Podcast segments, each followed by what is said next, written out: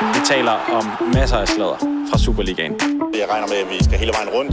Alt det, som jeg taler med mine venner om, når det er, der ikke er en mikrofon til. Pingpong kører ligesom på et opklædningsrum. Der er ikke noget, der er for småt. Præcis. Guys, can we talk about this? Har du set det her? Og så viser man telefonen frem. Ja. Så, Hvad fanden laver vi her? ja. Så forstyrrer vi lige lidt ud af det blå. Skulle vi ikke holde sommerferie? Jo, det var egentlig det, vi havde aftalt. det var det. Men øh, Men jeg var glad for at se dig i dag. ja, Det, var jo, det føltes jo som om, det var alt for længe siden, vi set hinanden. ja, men det er da også nogle uger siden. Ja. ja. Du ligner så heller ikke helt dig selv. det har du ikke regnet med.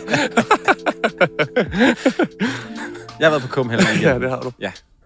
Du har taget noget, nogle fysiske skrammer med dig ud af Copenhagen.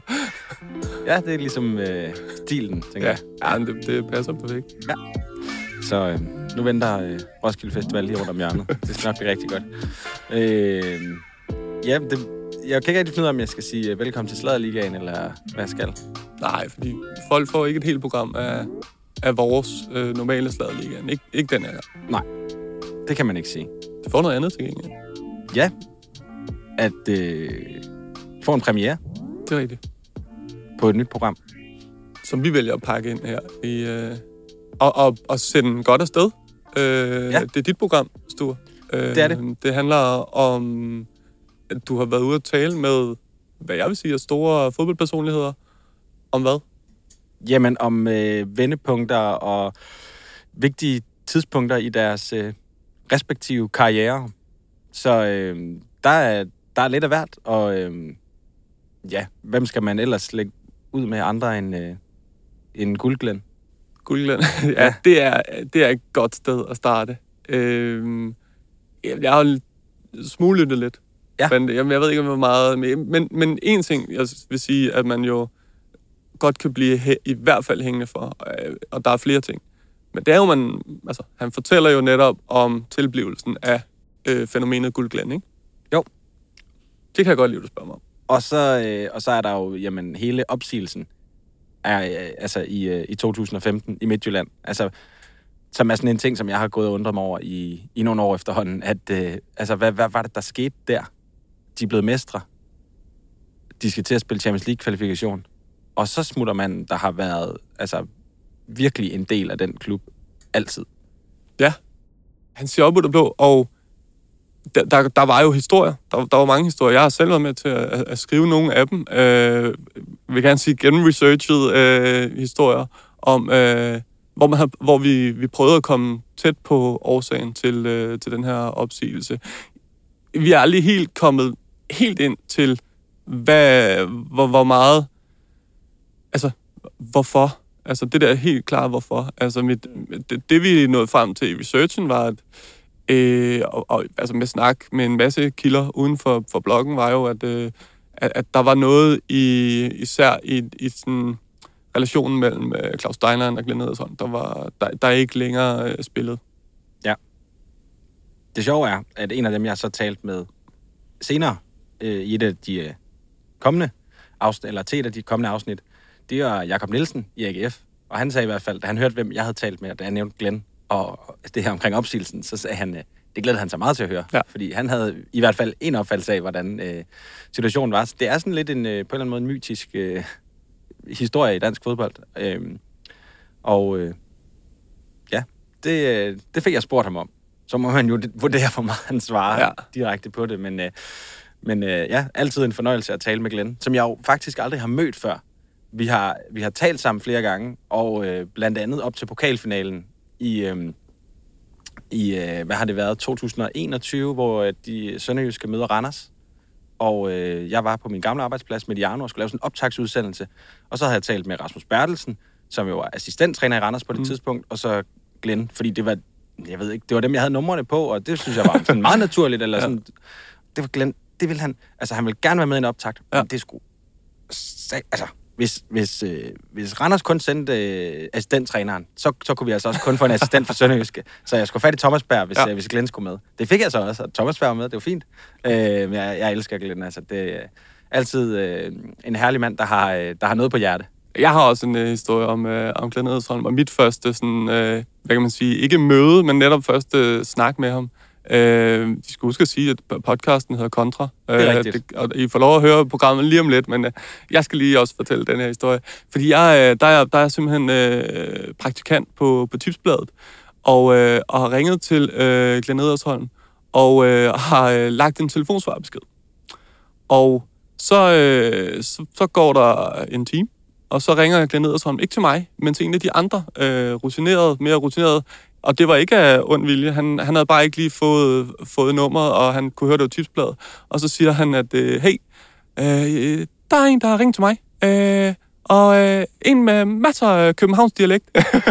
og så, og så, så, så, så kunne de godt regne ud på redaktionen, Nå, men det er, det er nok Michel.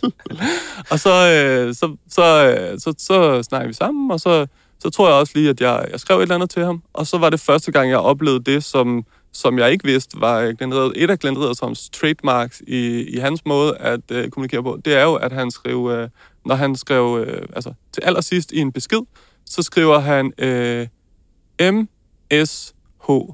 Ja. Glenn. Det, det er faktisk rigtigt, ja. Og hvor jeg måtte spørge øh, derinde, hvad fanden betyder MSH? Er det ikke med, med særlig hilsen? Med sportslig hilsen. Med sportslig hilsen? Ja. Okay, men den har jeg så misforstået. Ja. Tak fordi, at du lige opklarede. Jamen, øh, selv sagt. Så det er, det er Glenn Riddersholm, og han er faktisk, altså, jeg har, jeg har også været på sportsseminar øh, på, øh, på, på min tidligere arbejdsplads, BT, hvor han kom ind og, og lavede et, et oplæg, skidegodt oplæg. Altså, han er, han er, han er bare helt sin egen, men han er, ja, han er fed, og jeg, jeg glæder mig til at høre det her øh, kontra. Og kan du ikke, øh, nej, det kan vi tage bagefter. Hvem, hvem der ellers kommer med i, øh, i den her, øh, din nye podcast, du, ikke? Det Jo. kan vi tage, når vi har, har hørt afsnit, ikke? Jo, jeg kan afsløre, at menuen, det, Åh, ja. det er buffet. der er lagt op, så kan I selv komme og, og spise ja. af, af Glenn Riddersholms nøgne krop. ja. Det var som at spise sushi i gamle dage.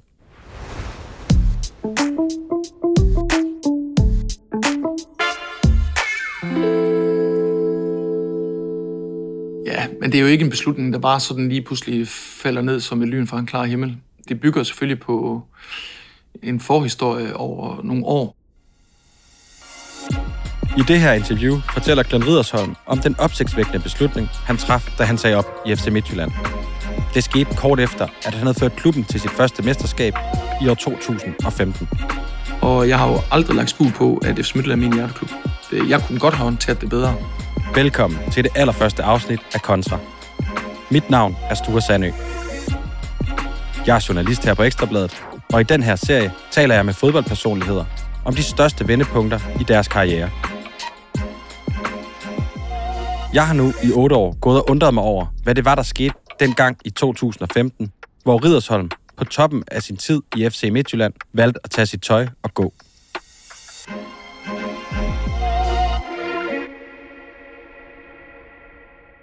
I virkeligheden, så synes jeg, vi skal starte med, med foråret, øh, der bliver tilløbet til den her vilde sommer, hvor I lykkes med at vinde det første mesterskab i FC Midtjyllands historie.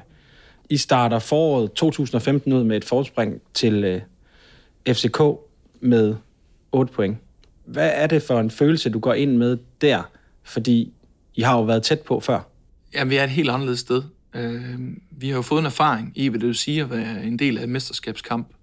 Og sæsonen forinden var vi på nær 7 minutter, inklusive live score og live tabel. Der lå vi enten nummer 1 eller nummer 2 i 33 kampe, og vi endte som nummer 3. Så man kan sige, øh, vi lærte rigtig mange ting, øh, og det som altså, var kendetegnet hele den gruppe af spillere, siden at vi skar 60% ned af det sportslige budget i sommeren 12, det var ligesom hele tiden at gå igennem nogle forskellige udfordringer, lære af dem og komme styrket ud. Og derfor fik vi bygget hele det her fundament op af mange unge spillere, øh, med nogle få erfarne spillere. Men hvad var det for nogle spillere, der var kommet ind? Øh, og egentlig også, altså når du taler om gruppen af spillere, det er altid en god markør sådan lige at få, øh, få genopfrisket, hvem det var, det var bygget op omkring. Jamen, ledergruppen var jo helt afgjort øh, Christian Bakbak. Det var øh, Jakob Poulsen. Det var Peter Andersen. Og så var det Morten Duncan Rasmussen. De fire var, øh, var helt ekstremt vigtige. Så var der jo øh, den nye generation af ledere, som øh, en Erik Svetchenko, en Jim Larsen, der kom ind, en Tim Spau, der kom ind. Og dermed blev det jo øh, et ekstremt stærkt hold. på mange måder, på grund af mange af de strategiske beslutninger, vi havde taget med at arbejde for eksempel med adfærdsprofiler, arbejde rigtig meget med psykologien, så var det vel reelt set et, et selvstyrende hold, hvor jeg egentlig øh, bare skulle navigere, og uden man overhovedet skal sammenligne, så tror jeg øh, på mange måder, selvom at, at nogen nok vil øh, overdrive det her, jeg siger nu, at det var vel ligesom at være træner for Real Madrid. Øh, jeg, jeg, jeg skulle vel egentlig ikke lære dem så meget mere, fordi vi var øh, så afklaret i alt, hvad vi gjorde. Så min opgave sammen med mit trænerteam, det var egentlig bare at se frem i fremtiden og stimulere dem. Fordi vi havde et selvledende øh, team, som jeg var cheftræner på. Jeg var i Madrid i december 14, hvor jeg begyndte at skrive dagbog. Der skrev jeg på side 1, hvis ikke vi bliver mester i sommeren 15, så, så stopper jeg med at være cheftræner, fordi så forstår jeg ikke mere, hvad, hvad det er, fordi vi var så overlegne. Altså, vi var, vi var klart det bedste hold i Danmark, og vi kunne begynde sådan at udvikle andre sider af vores hold. Det vil sige, begynde måske at forberede, at vi skulle spille europæisk til sommeren. Vi, hvis man husker tilbage, så var det måske ekstremt sprudlende i efteråret. I foråret meget mere kalkulerende fodbold. Vi skulle spille europæisk, lære at vinde grimt 1-0, lære at tage de ting, så vi var sådan hele tiden egentlig forud for den mesterskabskamp, vi var i, fordi vi hele tiden forsøgte at forberede den næste udfordring. Og at komme til et punkt som træner for et hold, at man kan tage sig selv den øh, ja, luksus og, og tænke på den måde, det var vel meget godt, god beskrivelse af, hvor, hvor dominerende vi var øh, med den gruppe af spillere.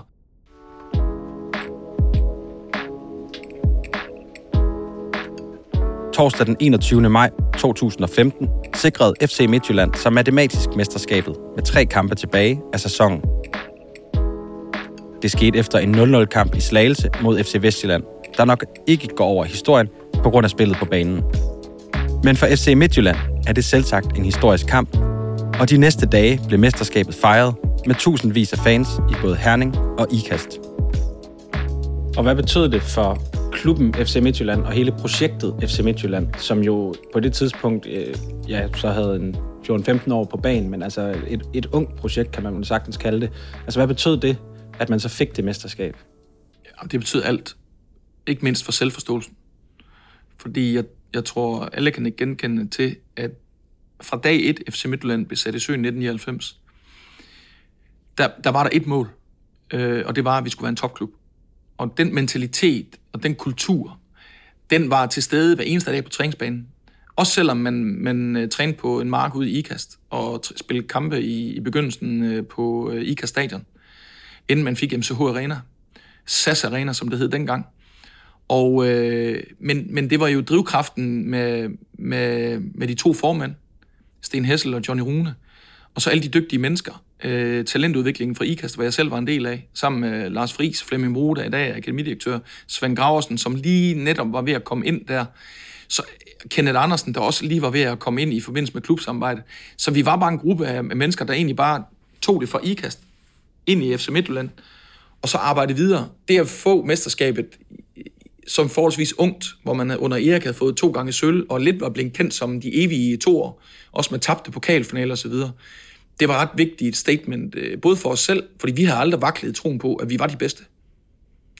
Øh, vi har aldrig vaklet troen på, at vi var de bedste til talentudvikling. Vi skulle nok vinde mesterskaber. Og hele den ånd, som var præget af øh, Jens Ørg og Claus Steinlein og alle os, som var en del af FC Midtjylland, jamen øh, det var bare et spørgsmål om tid i vores optik. Vi lod os aldrig kue. Vi var jo sådan lidt... Der var jo flere også ude fra, fra Aarhus og så videre, når vi kom rundt der i vores sorte jakker, kan jeg huske, og vi havde sorte biler, og så blev vi sådan lidt kaldt det tredje rige øh, rundt omkring, og der var mange, der hånede os. Men det skaber jo også en enorm sammenhængskraft, det her med, at alle har en holdning til dig, alle angriber dig så får du altså et stærkt fællesskab. Og det fællesskab, det brugte vi til i fællesskab, og egentlig på trods bare at vise alle andre. Det kan godt være, at I kommer her fra jeres traditionelle måde at anskue fodboldverdenen på, men nu skal vi vise jer, at der er en helt ny vej at tænke og gøre tingene på.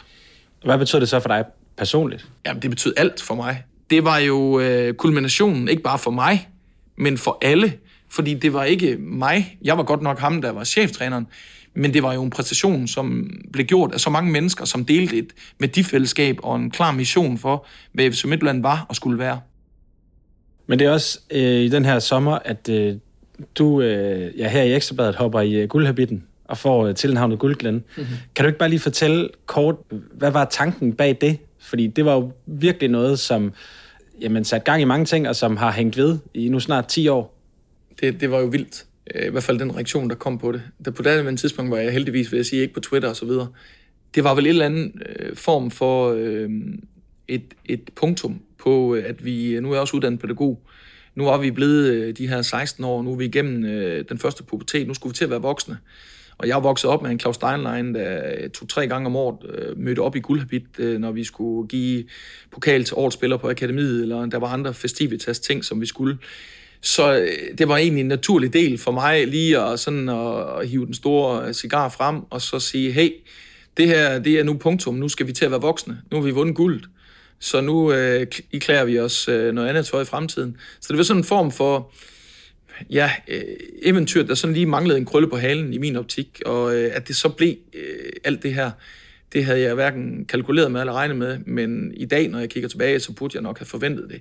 Men det er noget, jeg lever fint med, og det, er, det er jo noget, som er, har givet mig mange utrolig spøjse øh, oplevelser. Det er jo ikke noget, som sådan øh, opstår, altså det var jo planlagt på den måde, at I havde, altså fotograf på Ekstrabladet, Lars Poulsen, øh, havde været ude at tage billederne på forhånd, så de var klar. Mm. Altså, tror du ikke også, det var noget af det, der var med til på en eller anden måde at provokere folk, at du, kunne, at du turde at hoppe i den her pit, før at I matematisk var mestre?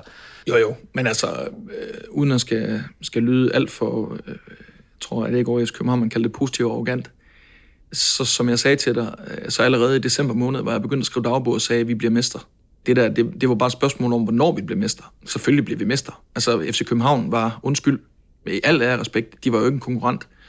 Øh, vi var alene i den sæson.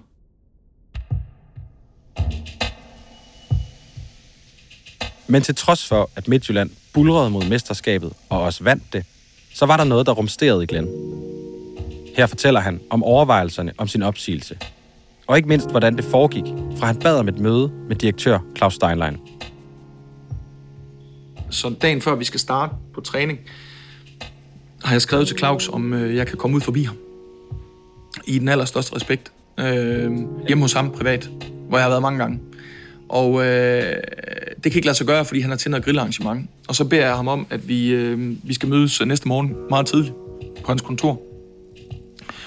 Og så øh, fortæller jeg ham, hvad min formål med, med mødet er, og overleverer min øh, opsigelse. Og øh, selvfølgelig blev han overrasket. Øh, men det var jo i en, i en god ånd. Altså, det var ikke sådan noget med, at øh, jeg var bange eller skyndte mig at løbe ud og smækkede med døren. Det, det var jo faktisk sådan, at vi satte os ned og snakkede om det. Og øh, så blev vi enige om, at jeg ikke skulle sige noget til nogen. Og jeg gik jo egentlig i tre dage og var top professionel. Og jeg blev faktisk spurgt, om jeg ikke også jeg ville med at tage med hold på træningslejr. Og det ville jeg jo gerne, fordi det var min drenge, og det var min klub, så det var ikke sådan, at, at jeg ønskede på nogen måde der at, at smække med noget. Men jeg var bare kommet dertil, at nu var det tid for, at jeg skulle videre. Der går nogle dage, øh, og hvor Midtjylland selvfølgelig træffer den helt rigtige beslutning, for mig væk fra holdet af. Og jeg kommer så dagen efter og tager afsked. Øh, holder en tale til både medarbejdere og til spillerne osv., inden at øh, jeg går ud sammen med Claus og holder et interview øh, til, tror jeg det var, TV MidtVest. Ja, men det er jo ikke en beslutning, der bare sådan lige pludselig falder ned som et lyn fra en klar himmel. Det, det bygger selvfølgelig på en, en forhistorie over nogle år, øh, hvor der har været flere forskellige ting, som øh, vi internt har forsøgt at bearbejde og gøre noget ved. Lige så vel som det kom som et chok for nogen, så tror jeg også, det for andre ikke kom som et chok. Øh, fordi nogen har jo forstået det som om, at det var på grund af, at der kom et nyt ejerskab. Og det var det jo langt fra. Det var noget, som egentlig var foregået over mange år, øh, eller flere år. Når man arbejder så intensivt, som man gør, som uanset om man er talentudvikler eller, eller øh, seniortræner, toptræner, så øh, er man jo i så mange forskellige sammenhænge, hvor man øh, snakker så meget og har så mange møder og står på mål for utrolig mange ting. Og jeg var kommet til et punkt, hvor jeg måske skulle begynde at lave om på mig selv, for at kunne være en del af rejsen. Og så er det jo der, hvor du må kigge dig selv i spejlet, og så må du sige, nogen ville kunne være i stand til bare at gå på kompromis, fordi det er altså foran øh, højst sandsynligt et mesterskab mere, det er Champions League-gruppespil, øh, øh, muligheden for det. Det er jo mange ting, som et eller andet sted øh, strider imod øh, det, der egentlig vil være naturligt at, at, at, at gå efter som, øh, som toptræner. Men der var for store ting øh, forbundet med, med den fortsatte rejse, som jeg ikke på daværende tidspunkt kunne se mig selv øh, fortsat være en del af. Og derfor tog jeg den beslutning. Men hvad var det, du skulle lave om på ved dig selv? Fordi jeg tænker, øh, med den rejse, du har været i klubben, øh, og, og at I så lykkes med lige præcis den mission, som åbner døren til, til alt det, som klubben så også har, har oplevet senere. Nu tænker jeg på Champions League for eksempel, som er sådan det næste sådan rigtig store skridt, som klubben har taget.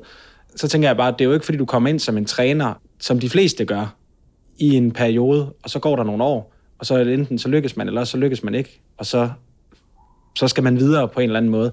Her, der var du jo en del af, af fundamentet. Hvis du skal tilfredsstille andre hele tiden, så mister du dig selv på et eller andet tidspunkt på den rejse. Og det er der nogen, der vil være i stand til at kunne, og finde det kompromis, øh, man gør. Der er jeg bare i min, på min livsrejse, og med alt det, jeg har gået igennem som mennesket Glenn, øh, der kan jeg ikke, jeg kan gå på kompromis med meget, fordi det er jo ligesom en del af det at være toptræner. Der går man godt nok meget på kompromis. Men jeg var bare kommet til et punkt, hvor jeg på daværende tidspunkt i 2015, havde brug for luftforandring, for jeg kunne ikke på kompromis med, og dermed ville jeg være et dårligt familiemedlem, hvis jeg var blevet. Og jeg havde, det havde ikke endt. Jeg havde håbet på, at det endt lykkeligt. Øh, så det kan man altid diskutere, hvor lykkeligt det er endt. Men jeg har i hvert fald fået mig selv med øh, hele vejen igennem. Og jeg har ikke noget personligt udstående med nogen. Og jeg har jo aldrig lagt skuld på, at FC Midtjylland er min hjerteklub. Du har tidligere kaldt det den sværeste beslutning i dit liv. Mm. Er, det, er det stadigvæk det? Ja, øh, helt afgjort.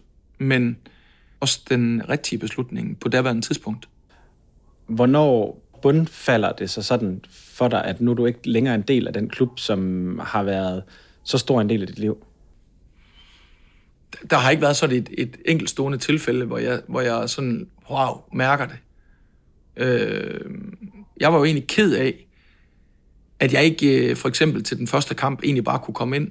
Og så, altså, fansene lavede jo en flot tifo til mig. Øh, og bare komme ind, lige få en dusk eller et eller andet, og lige sige hej og tak for den her gang, måske på gensyn. Men, men der var der, altså der, der tror jeg, at begge parter kan se i dag, den dimension og håndtering af det, det var vi ikke ret gode til. Øh, fordi det blev med at beskytte og stå på sit, øh, og, og, og derfor blev det lidt mudret. Og det, det, der tror jeg, at begge parter er meget mere voksne og professionelle i dag, til at den situation vil man kunne håndtere, hvis det var her i 23, på en langt anderledes måde, end det blev gjort dengang. Øh, jeg kan i hvert fald for min vedkommende sige, at øh, jeg kunne godt have håndteret det bedre. Men handlede det også om, at der var følelser involveret i det? Ja, ja det er jo klart, det betyder noget. Ja, det, det var følelser. Det var jo kærlighed. Den måske på daværende tidspunkt øh, romantiske, naive øh, forståelse af, at det var min klub, øh, det var min øh, stue, øh, MCH Arena. Øh, på nogen måde forstår jeg godt, øh, at hvorfor jeg ikke kunne blive inviteret på anden måde, forstår jeg det ikke. Men det er ofte sådan, desværre det går i top- og elite-ledelse og, og topsport. Selvom jeg egentlig tror, at begge parter øh, kunne have tænkt sig det anderledes, så er det desværre bare sådan, at det nogle gange ender. Hvad er det kommet til at betyde for dig, at du som mestertræner vælger at tage dine ting og gå, og på den måde også viser, at der er en grænse på en eller anden måde, uden at folk nødvendigvis ved, hvad det er, der, der nu engang øh, 100% ligger til grund for det, så viser du i hvert fald til omverdenen, at du har en grænse. Du, du bliver ikke at holde fast for enhver pris. Altså, har det, hvad, hvad har det kommet til at betyde i forhold til, til resten af din karriere? Jeg, jeg bryder mig egentlig ikke om, at jeg skal bruge det ord, så jeg ved ikke, hvilke ord jeg skal bruge, Sture. Fordi det har ikke haft nogen konsekvens. Men hvis du kigger på det karrieremæssigt, jamen så har det haft en konsekvens, at hvis jeg spiller Champions League, så har jeg også været på nogle større adresser. Men det er ikke noget, jeg sidder her for... Altså, jeg, jeg er et glad menneske. Jeg lever af min passion. Jeg er fodboldtræner.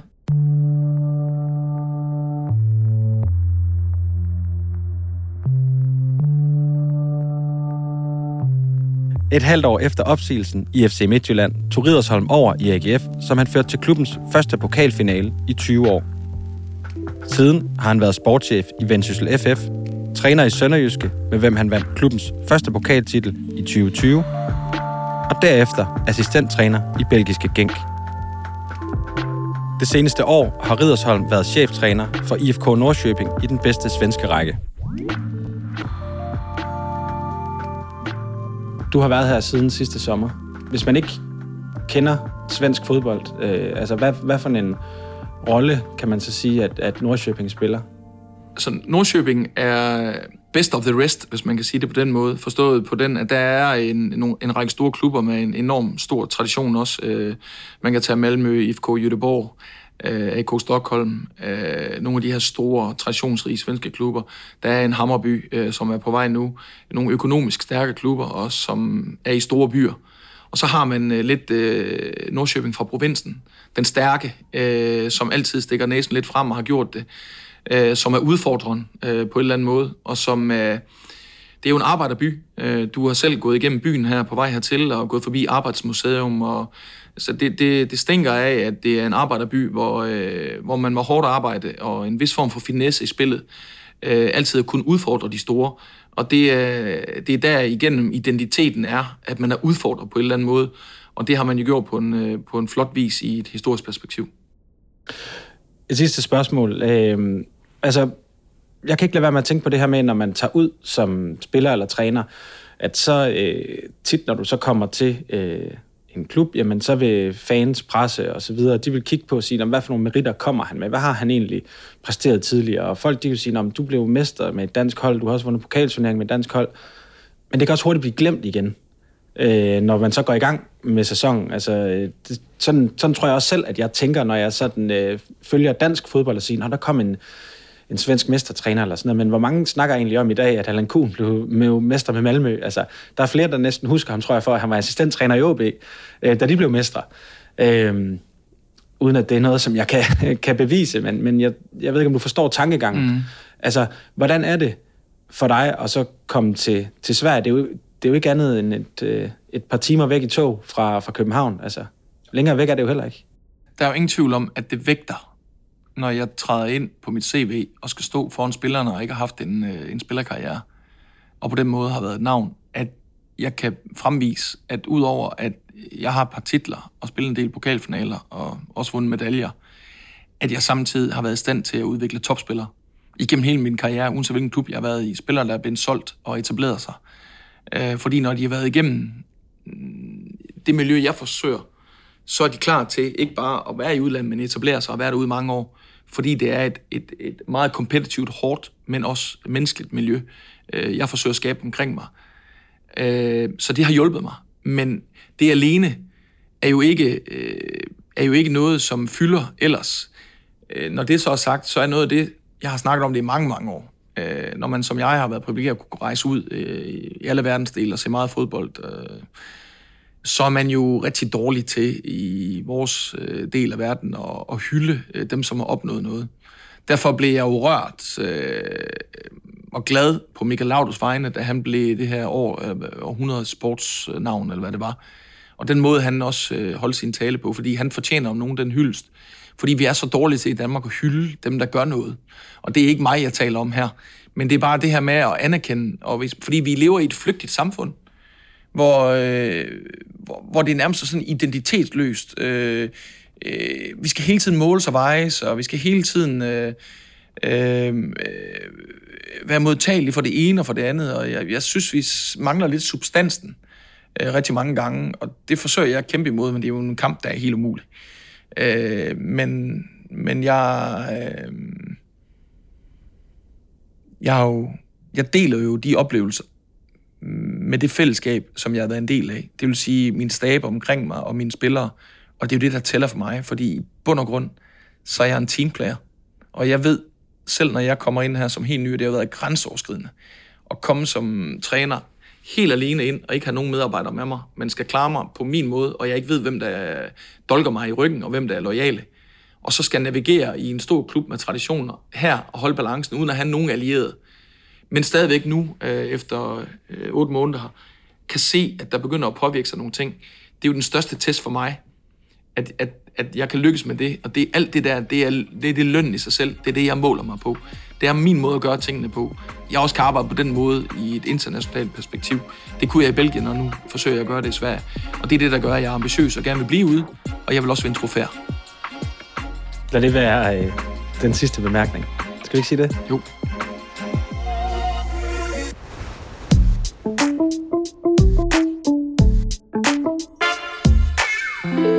Så har vi hørt første afsnit, og... Første afsnit af Contra. Af Contra, ja. Og som man siger, Første fix er altid gratis, Ja. men øh, det bliver det ikke ved med at være. Nej, du er blevet... Du er sådan en, man skal betale for, Sture. Ja, jeg er Ja. blevet lidt fin på den. Ja, det er Laver du egentlig betalt indhold her på bladet nogle gange? Øh, det er ikke meget. Der har man vurderet det. det er kvaliteten ikke til. Nej. Jo, ikke. Øh, hvis, hvis, hvis det er de der lidt mere transferanalyser, så kan, man, øh, så, så kan jeg også øh, blive øh, hængt til tørre ud på sociale medier for, at, øh, at, at tingene koster. Det gider Ja. fandme folk normalt ikke. Men det skal de fandme gøre her. Det, det her, det bliver, det bliver godt. Pay Og der, up. der kommer mere kontra. Hvem, hvem, øh, hvem... Ej, lad mig lige sige noget. Ja. Øh, Jim Larsen havde jeg glemt alt om. Ja.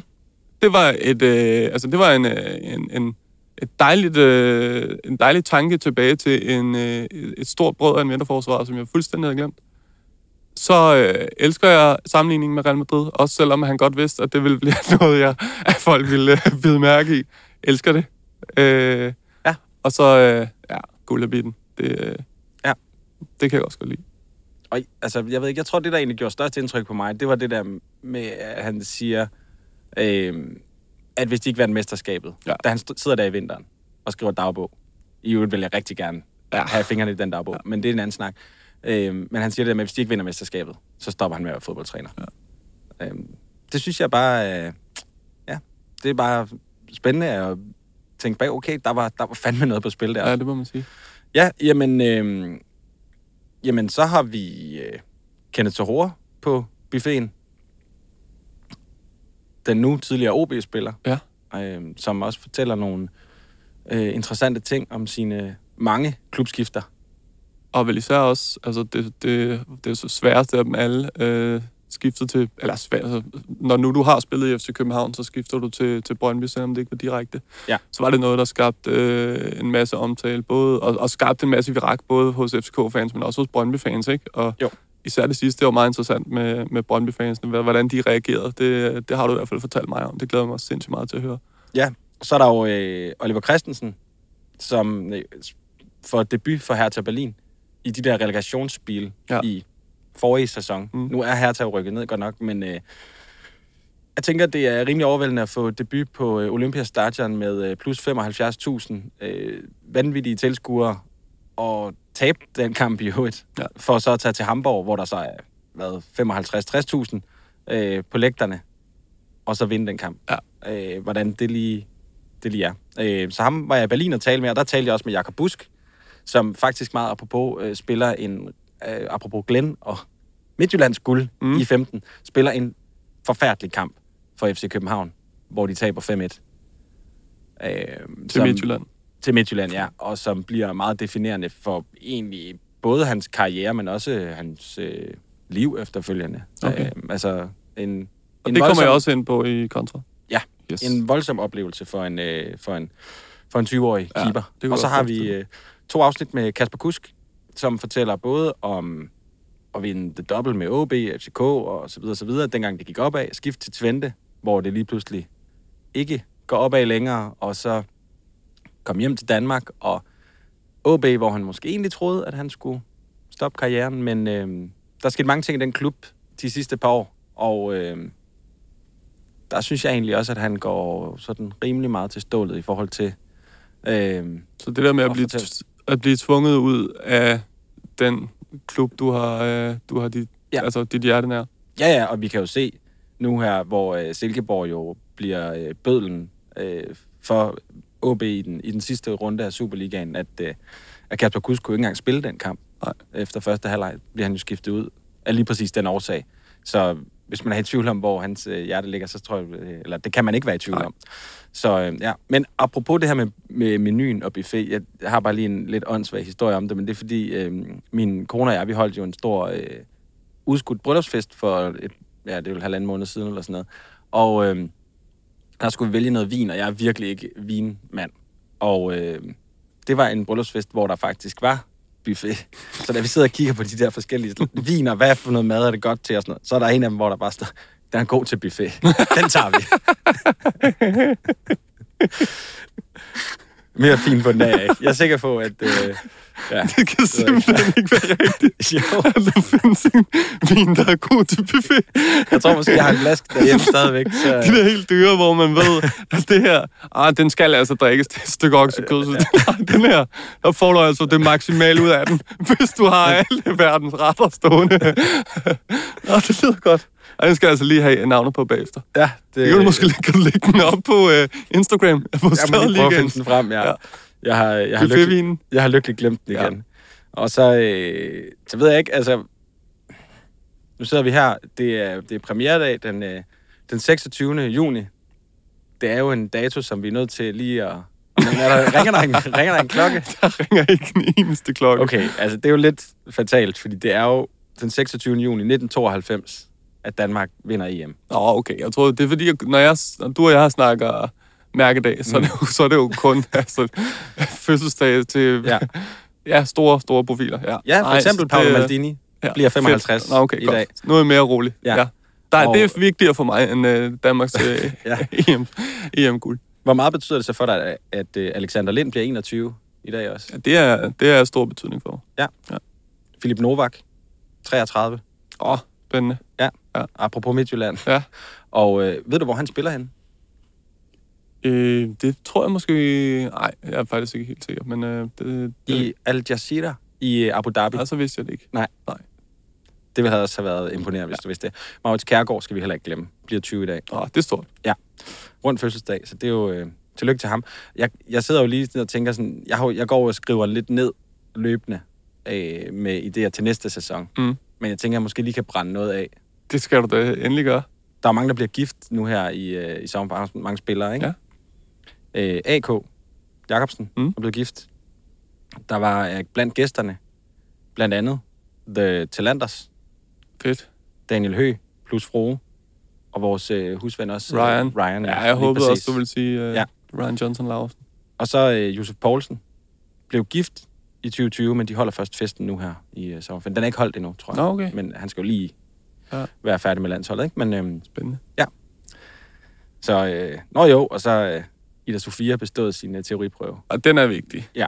Den er, så, skulle, hun- så kan hun køre hvis, altså, over til Sims øh, nej, nej, hjemby. hun er ikke, jamen, det er bare Nå, nej. teoriprøven. Nå, det er bare teori på. Ja, hun er kommet til at bestille glatbanen øh, under Roskilde Festival. Nej, det er en skandale. Så, ja. Sture, hvor kan man høre kontra hen? Jamen, det kan man i, øh, i EB+. Ja. Der skal man over. Ind i øh, uh, appen. appen. Ja. Eller, eller gøre ligesom min mor gør og høre øh, podcast på hjemmesiden. ja, Øh, og der kan man også Jeg tror også, finde min mor EB+. vil gøre. Ja. Så øh, hej mor i øvrigt. ja. Perfekt. Ej, det, er, det skal man bruge sin, øh, sin sommer på, når nu at der alligevel er lidt øh, fodboldstilstand de næste...